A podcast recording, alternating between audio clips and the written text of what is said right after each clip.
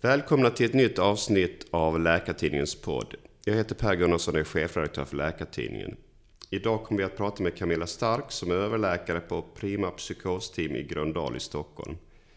Du är också speciellt engagerad i personer som drabbats av hedersförtryck. Välkommen hit! Tack så mycket! Jag tänkte att vi skulle börja med att prata lite om läkaryrket. Hur kommer det sig att du en gång i tiden valde det yrket? Ja, det var nog lite av en slump faktiskt. Jag, jag hade jobbat ett tag med lite olika saker efter gymnasietiden. Ehm, och ehm, bestämde mig för att satsa på någonting som var svårt. sen kom jag in, vilket jag inte trodde jag skulle göra. Och sen kan man väl säga att med åren så har jag insett att det här var eh, ett mycket mer fantastiskt yrke än jag egentligen kunde föreställa mig. Jag hade ju en bild av ungefär hur det var att vara läkare. Och trots, eh, ja, trots att det finns många problem också arbetsmiljömässigt för oss läkare idag så tycker jag att det är verkligen världens bästa yrke. Så det kunde inte blivit bättre trots att det var lite av ett bananskal skulle jag säga. Och hur har sedan din läkarkarriär sett ut så här långt? Ehm, jag började min läkargärning i, eh, på ett VIK i Sunderbyn på psykiatrin faktiskt. Eh, så där är jag ju tillbaka nu. Och det var för att jag egentligen hela tiden velat bli psykiater, ända sedan jag började eh, plugga. Eh, sen har jag jobbat eh, inom, jag jobbat ett år på medicinkliniken i Visby. Eh, jättetrevligt. Ehm, sen gjorde jag AT på Huddinge sjukhus. Ehm, jag jobbade på ASIH nästan två år efter eh, ATn med medicinska patienter. Och sen började jag min ST i psykiatri då i eh, nordvästra Stockholm och sen på Prima. Ehm, där jag nu är kvar då. Det var en sväng på praktikertjänst också när de tog över avtalet där. Mm-hmm. Mm, mm, mm. Om du ska berätta vad du jobbar med just nu då? Ja, Eh, just nu jobbar jag ehm, delvis på Prima i Gröndal som är en psykosmottagning Eh, som överläkare. Och sen jobbar jag ehm, 40% just nu i ett eh, projekt inom kriminalvården eh, som är ett uppdrag regeringen har gett för att försöka ta reda på mer om hedersbrottslingar ehm, som är dömda med hedersmotiv. Så att vi reser runt på anstalter runt om i hela Sverige och intervjuar dömda personer helt enkelt. Och det är jättespännande, det är en väldigt bra kombination. Och jag, eh, det ska bli en rapport någon gång i slutet av året förhoppningsvis. Då. Mm, mm. Och där jobbar du ungefär halva din tid eller? Eh, två dagar i veckan nu. Mm. I, ja, det var tre månader i, under våren och nu eh, september och oktober också. Mm. Mm. Och på psykosteamet, kan du säga lite grann vad du jobbar med där? Eh, där jobbar jag i, ja, med eh, psykospatienter eh, i det arbete som förekommer på psykosmottagningen. Det är ju mycket eh, medicinering förstås, försöka ja, se till att det blir så bra som möjligt för patienterna. Det är mycket teamarbete som det bygger på på en psykosmottagning. Så det det är väldigt roligt. Man får samarbeta med andra kategorier och med andra myndigheter också. Ehm, en del uppsökande verksamhet också, hembesök och så. Det tycker jag mycket om.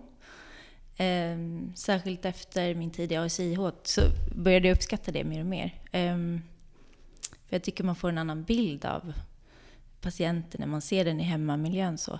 Ehm, sen eh, samarbeta med slutenvården och, och sådär.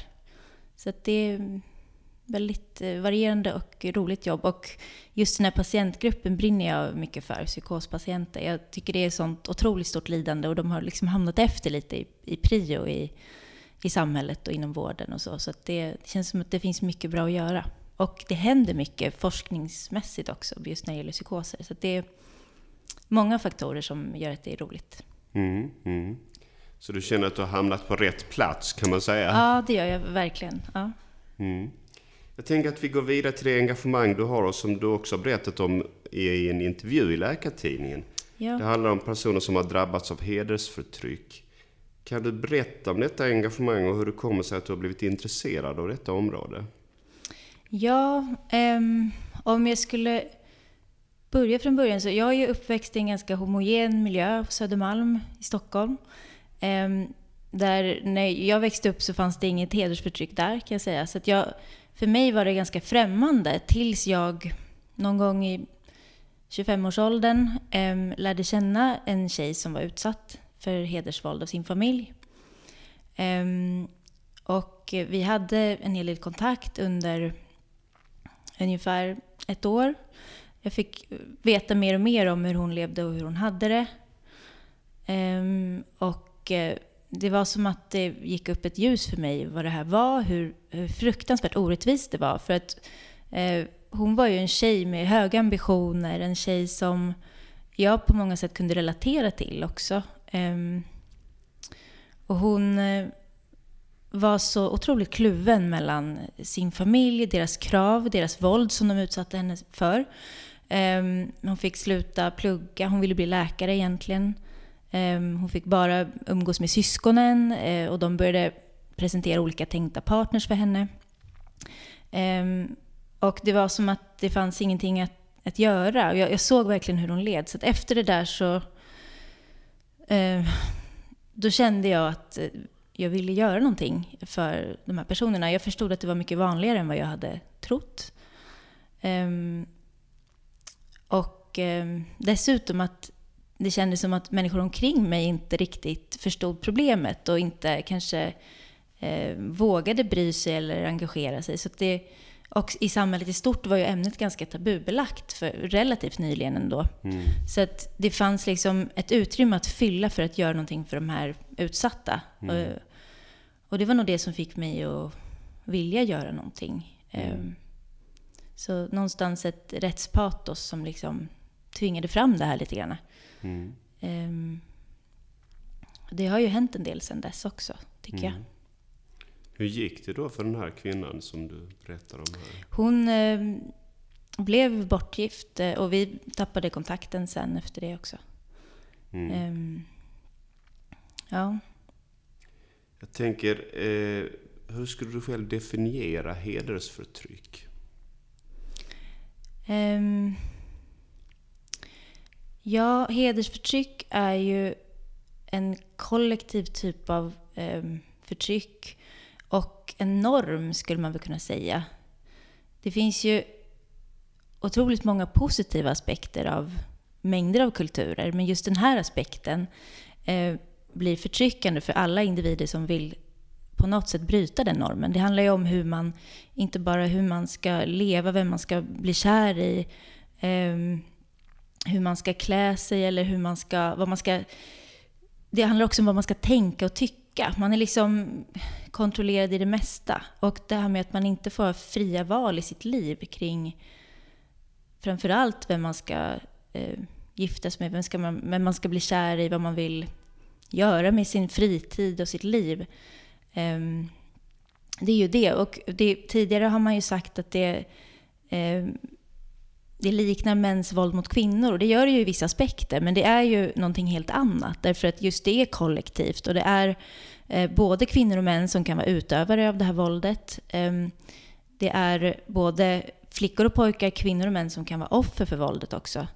Eh, och det tar sig uttryck på väldigt många olika sätt. Ehm, dessutom är det ju sanktionerat i den omgivningen personen eh, befinner sig i. Det är liksom, omgivningen står inte på den utsatta sida.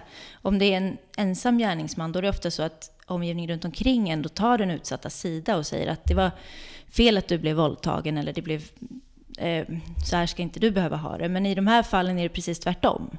Du ska hålla tyst om det du har varit med om. Du ska inte säga emot, du ska inte säga ifrån, utan det är alla vi andra som har rätt. Eh, så det finns många skillnader och det, det bottnar ju... Det finns många aspekter i vad den här hederskulturen kommer av och de samverkar lite med varandra upplever jag. Men eh, det är ju någon slags kombination mellan traditioner som är urgamla och, eh, och eh, ett sätt att förhålla sig till kollektivet och familj och släkt och så som som man har gjort sedan länge i kombination med kyskhetsnormer och, oskuld och eh, konservativ religiositet förstärker de här normerna. Men det är, det är inte det som är på något sätt källan till dem i, i det, från första början. Så det är många faktorer och många, vad ska man säga, angreppspunkter också för att försöka få bukt med det. Det är svårt för att normer vet vi ju förändras. Eh, de kan förändras, men, men det är väldigt svårt. Eh, så det, jag ser ju det här som en, en av vårt samhälles största utmaningar just nu faktiskt. Mm. Som tangerar allt integration och mänskliga rättigheter och helt enkelt hur människor ska leva i, i vårt land och om människor ska ha frihet oavsett vad man har för ursprung. Och det tycker jag är självklart att man ska ha. Mm. Hur vanligt är detta då i Sverige? Jag tänker för den som inte är bekant med det kan det vara svårt att uppfatta omfattningen. Ja, eh, det finns ju flertalet undersökningar som har gjorts. Ehm, och redan eh, 2009 gjorde dåvarande Ungdomsstyrelsen en kartläggning i Stockholm ehm, där man hade med eh, relativt många skolor i Stockholmsområdet. Jag tror det var närmare 30 skolor eller någonting sånt där. Eh, och då kom man fram till att det kunde vara ungefär 70 000 unga eh, mellan 16 och 25 år som var utsatta för hedersvåld. Ehm, och efter det har det gjorts flertalet studier det kom för något år sedan en studie, en kartläggning i, de tre större städerna Stockholm, Göteborg och Malmö. Eh, där man kom, och då var det 6 000 unga som deltog i den.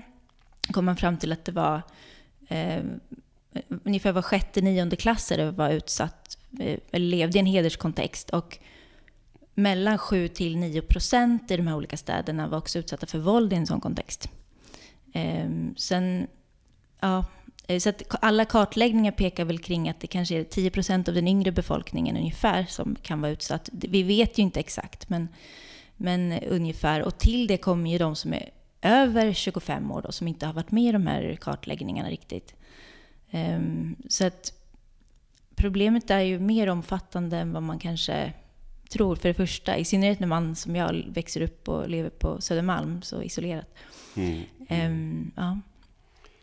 Du är ju ute och föreläser för sjukvårdspersonal om detta. Vad får du för reaktioner när du är ute och pratar om det här? Ehm, jag tycker att jag får väldigt mycket positiva reaktioner. Jag tycker det verkar finnas ett stort behov av kunskap framför allt. Eh, många kommer med berättelser om patientfall de har haft där de inte vetat hur de ska handlägga eller hur de ska tänka. Situationer där det blivit fel eller svårt. Ehm, och det känns som det finns ett sug av kunskap och eh, behov och att man känner sig ganska otillräcklig i många situationer när det är sådana här utsatta personer. Um, och det, det gäller ju all vård, vårdpersonal för att patienter som kan leva i en hederskontext uh, de söker ju vård sannolikt så som andra personer gör, i synnerhet när det gäller akut vård och uh, ja, vårdcentral, psykiatri inte minst då. Så att, ehm, ja, jag, jag tycker att det brukar vara väldigt positiv respons också efter föreläsningen och mycket samtal och, och frågor och så.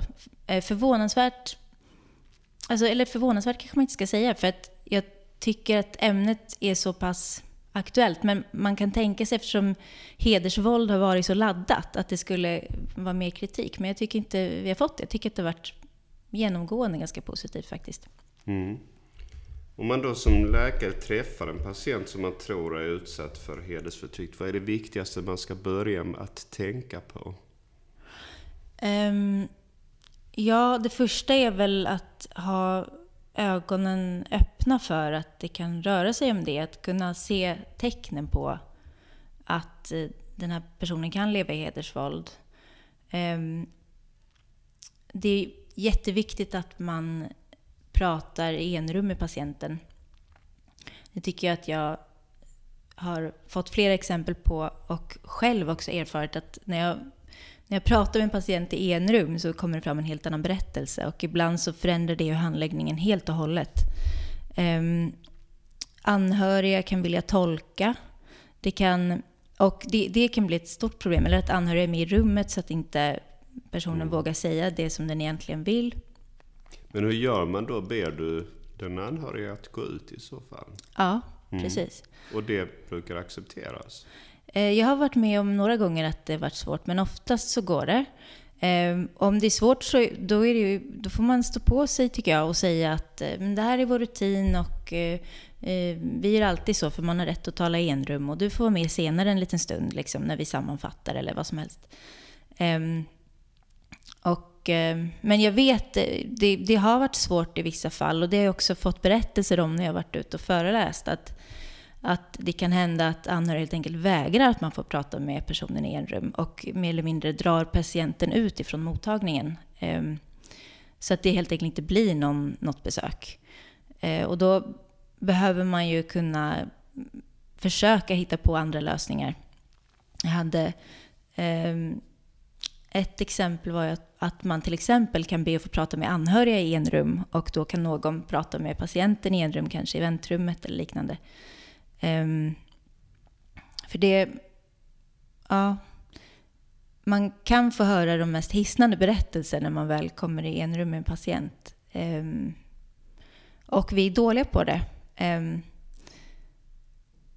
jag tror särskilt i, på, inom områden där vi har ont om tid, som inom akutvården eller eh, vårdcentral när man har ont om tid per patient, att, att det blir lätt att kanske anhörig får tolka fastän att man vet att det inte egentligen kanske är det bästa. Men, och ja, man hinner inte riktigt ta, ta striden på något sätt. Men, eh, det går ju inte att hjälpa en person om man inte vet vad det verkliga problemet är. Eh, så att lite ja, flexibilitet och eh, kanske om man inte lyckas få fram någonting, att man får försöka träffa patienten igen och, och, och göra om det på något annat sätt eller så.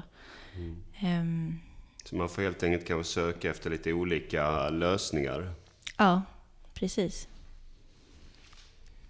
Du, jag hade läst någonstans att du tagit upp det här med nätjournaler. Eh, att eh, måste man som läkare vara extra försiktig med dem med tanke på patienternas extra utsatthet?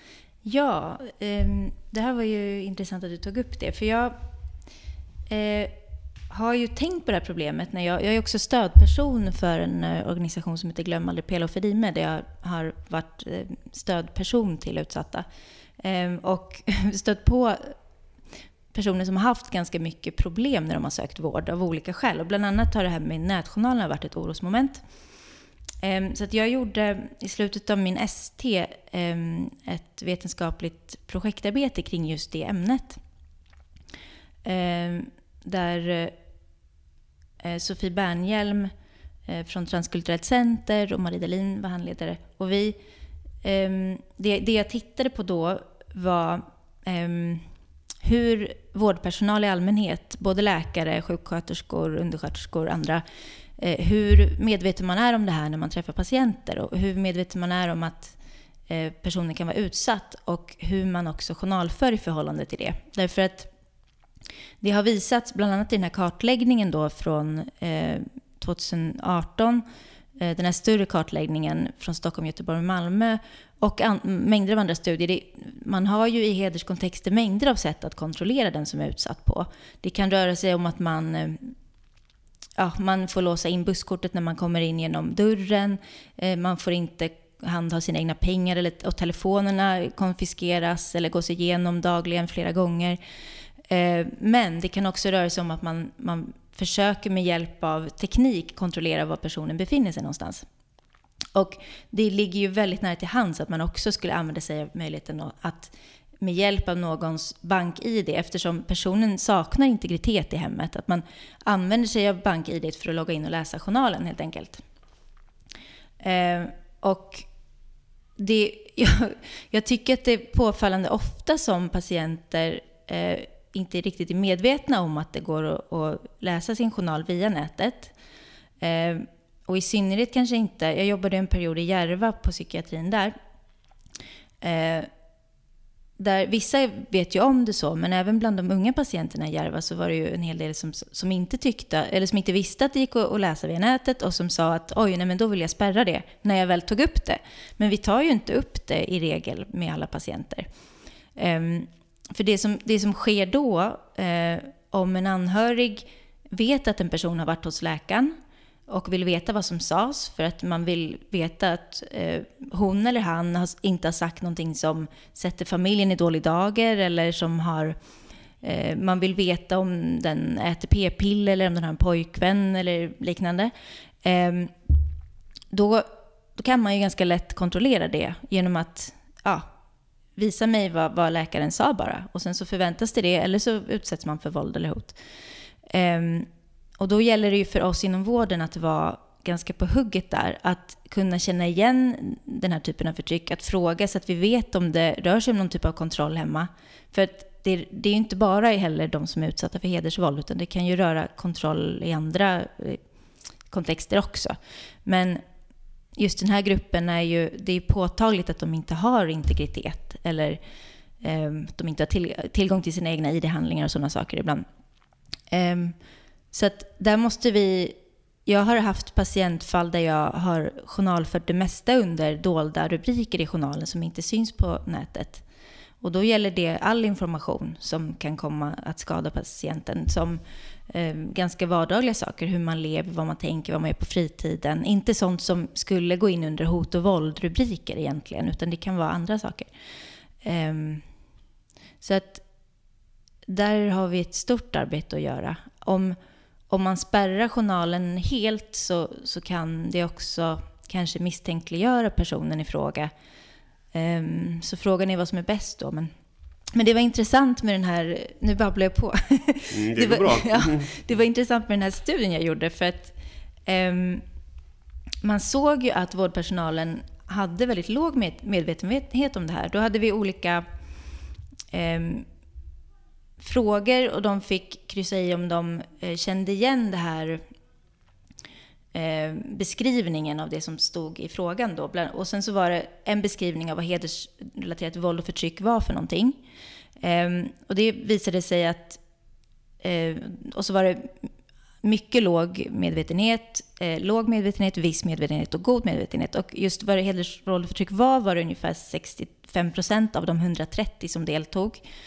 Ehm, som tyckte sig veta vad det var. Och ehm, när det gällde eh, risker med journalföringen så var det betydligt färre som eh, var uppmärksamma på det. Så att om man, det gällde bland annat det här med, en fråga gällde graviditetstest som ju tas till exempel på kvinnor som söker för buksmärta på kirurgakuten. Eh, och som ofta eh, journalförs ganska per automatik sådär.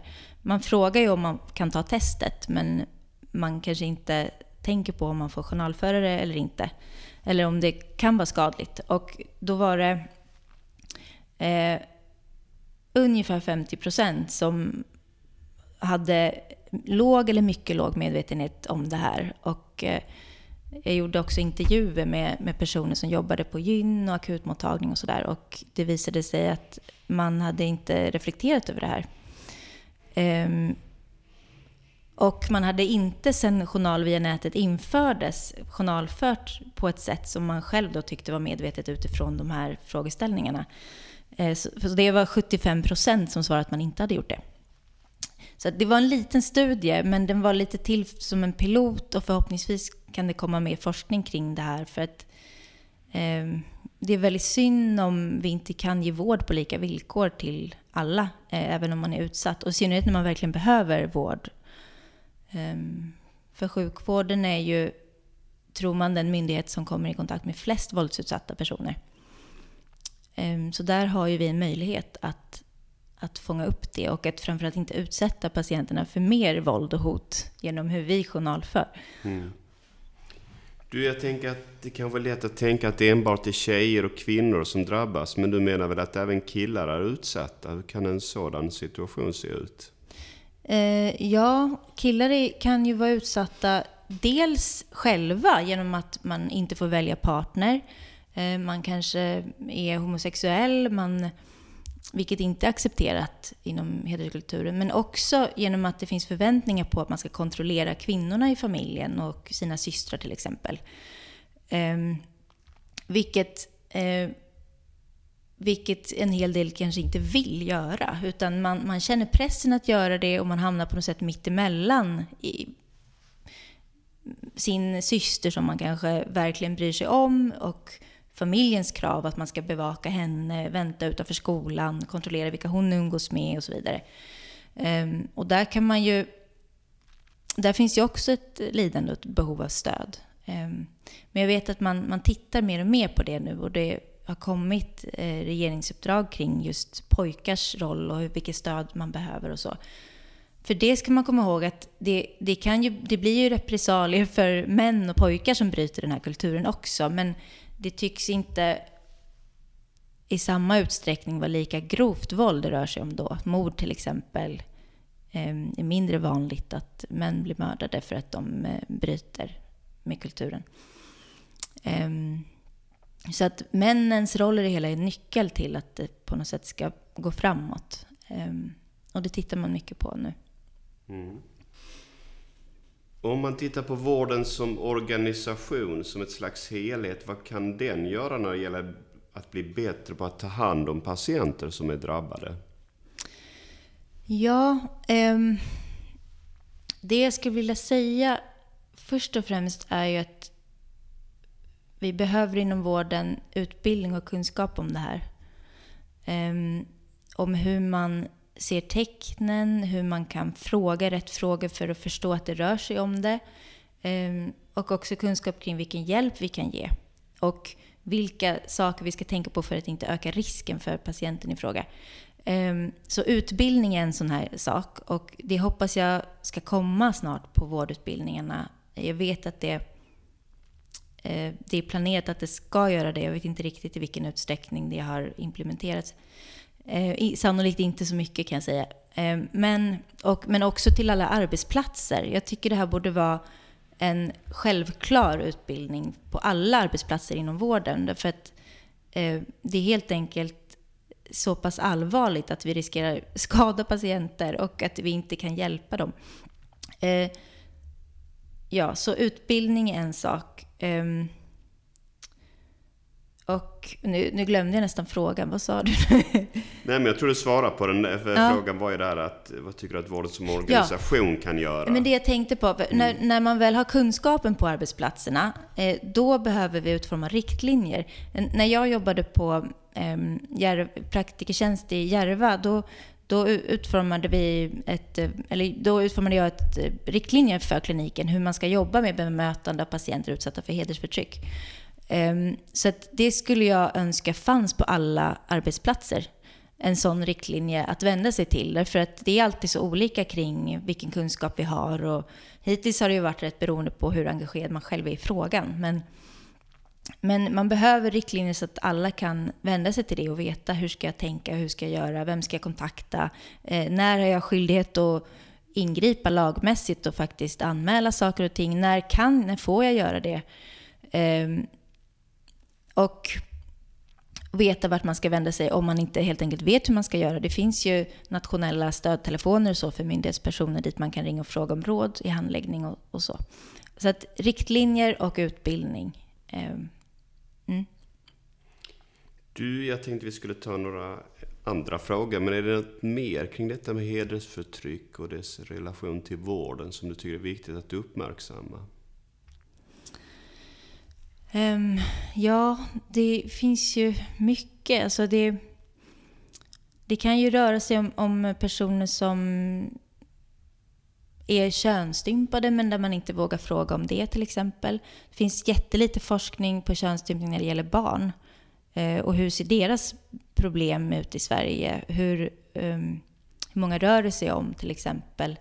man har ju uppskattningar från Socialstyrelsen och så, men, men just så här hur, och hur mycket problem är det för barnen? Forskning när det gäller barn eh, behövs, men, och hur vi bemöter det här inom vården, hur vi frågar om det, hur vi använder oss av de, eh, ehm, de dokument som faktiskt finns. Bland annat har man ju från Länsstyrelsen i Östergötland tagit fram något som man kallar för könsstympningspass, som man kan ge till föräldrar som ska resa tillbaka till ursprungslandet till exempel över, på någon semester. Eh, för att det finns risk, även om familjen har tagit ställning emot könsstympning, så finns det risk att andra släktingar utövar tryck när man väl är där på plats och att det ändå blir av. Liksom. Och då framgår i det här könsstympningspasset att att eh, könsstymp, det framgår vilka konsekvenser det ger för individen i fråga och det framgår att det är olagligt och att man kan bli, få grova straff eh, och så vidare i Sverige om, man, om det framkommer att det har gjorts. Så att då är det meningen att man ska kunna använda sig av det gentemot anhöriga ifall det blir en, en situation med, med tryck på att det ska göras. Um, och att vi överhuvudtaget vågar fråga om det, för det kan ju ge olika symptom. Um, att vi har det i huvudet som en DIF-diagnos när vi möter patienter, vuxna och barn. Um, och uh, ja, mm. oskuldskontroller har ju varit en sån här mm. Ett ämne som har diskuterats rätt så mycket. Eh, och det, jag tror att många tycker ju att det är klart att en oskuldskontroll eh, är inte ska göras, att det är felaktigt helt enkelt. Men det finns ju eh, läkare som utfärdar intyg om att en tjej har till exempel normal anatomi för en tjej som inte debuterat sexuellt. Ehm, och det finns inget... Det finns lite stöd kring hur man kan tänka och att man måste bemöta henne i helhetssituationen. Men man tänker inte på riktigt vad det kan orsaka att, att intyga att ge ett sånt här intyg, ehm, även om man vill hjälpa, för att de flesta vill ju gott. Ehm, sen en annan sak som jag har tänkt på, det är ju att det inom vården också arbetar en hel del personer som har hedersvärderingar. Och det tror jag är en stor utmaning. För att där gäller det att vi pratar med varandra helt enkelt. Utbyter åsikter och tankar och eh, att vi vågar göra det, att vi vågar ha samtal med varandra inom vården för att, kunna, att uppfattningar ska ändras. Det finns ju läkare i Sverige som tror att man kan kontrollera någons oskuld till exempel. Um, och um, allt det här behöver vi liksom vara lite mindre... Vi måste se det mindre som ett tabuområde och mer som någonting som är självklart att vi pratar om. Och någonting som att det är självklart att det här är ett problem. Vi måste försöka ändra på det. Um, ja. Mm. Du, om vi ska gå tillbaks till läkaryrket, finns det några yrkesfrågor som du tycker är viktiga för dig själv som läkare? Um, ja, det finns det ju en hel del. Nu jobbar jag inom psykiatrin och jag tycker just på min arbetsplats så har, är det en ganska bra arbetsmiljö. Men jag, jag har ju haft arbetsplatser tidigare där jag, där jag tycker att arbetsmiljön har varit ett stort problem. Och, och eh, framförallt på akutsjukhusen och vårdcentralerna där det är mer och mer tidspressat, det finns inga vårdplatser. Ehm, jag skulle själv tycka, jag skulle ju själv inte välja att jobba så. Eh, så så det är också lite därför jag är väldigt nöjd med mitt yrkesval. Ehm, men jag lider ju med de som har en sån arbetsmiljö, helt klart. Ehm, och eh, jag, jag hoppas att det kan förbättras. Jag vet ju att Läkarförbundet driver på en hel del och ja, man kan väl bara hoppas. Det, det ser mm. inte så jätteljust ut men... mm. Du, det börjar snart bli dags för oss att avrunda det här samtalet. Men först skulle jag vilja fråga dig hur du ser på den relativt nya företeelsen nätläkare. Alltså att man exempelvis kan få vård via videokontakt med en läkare. Vad tänker du kring detta?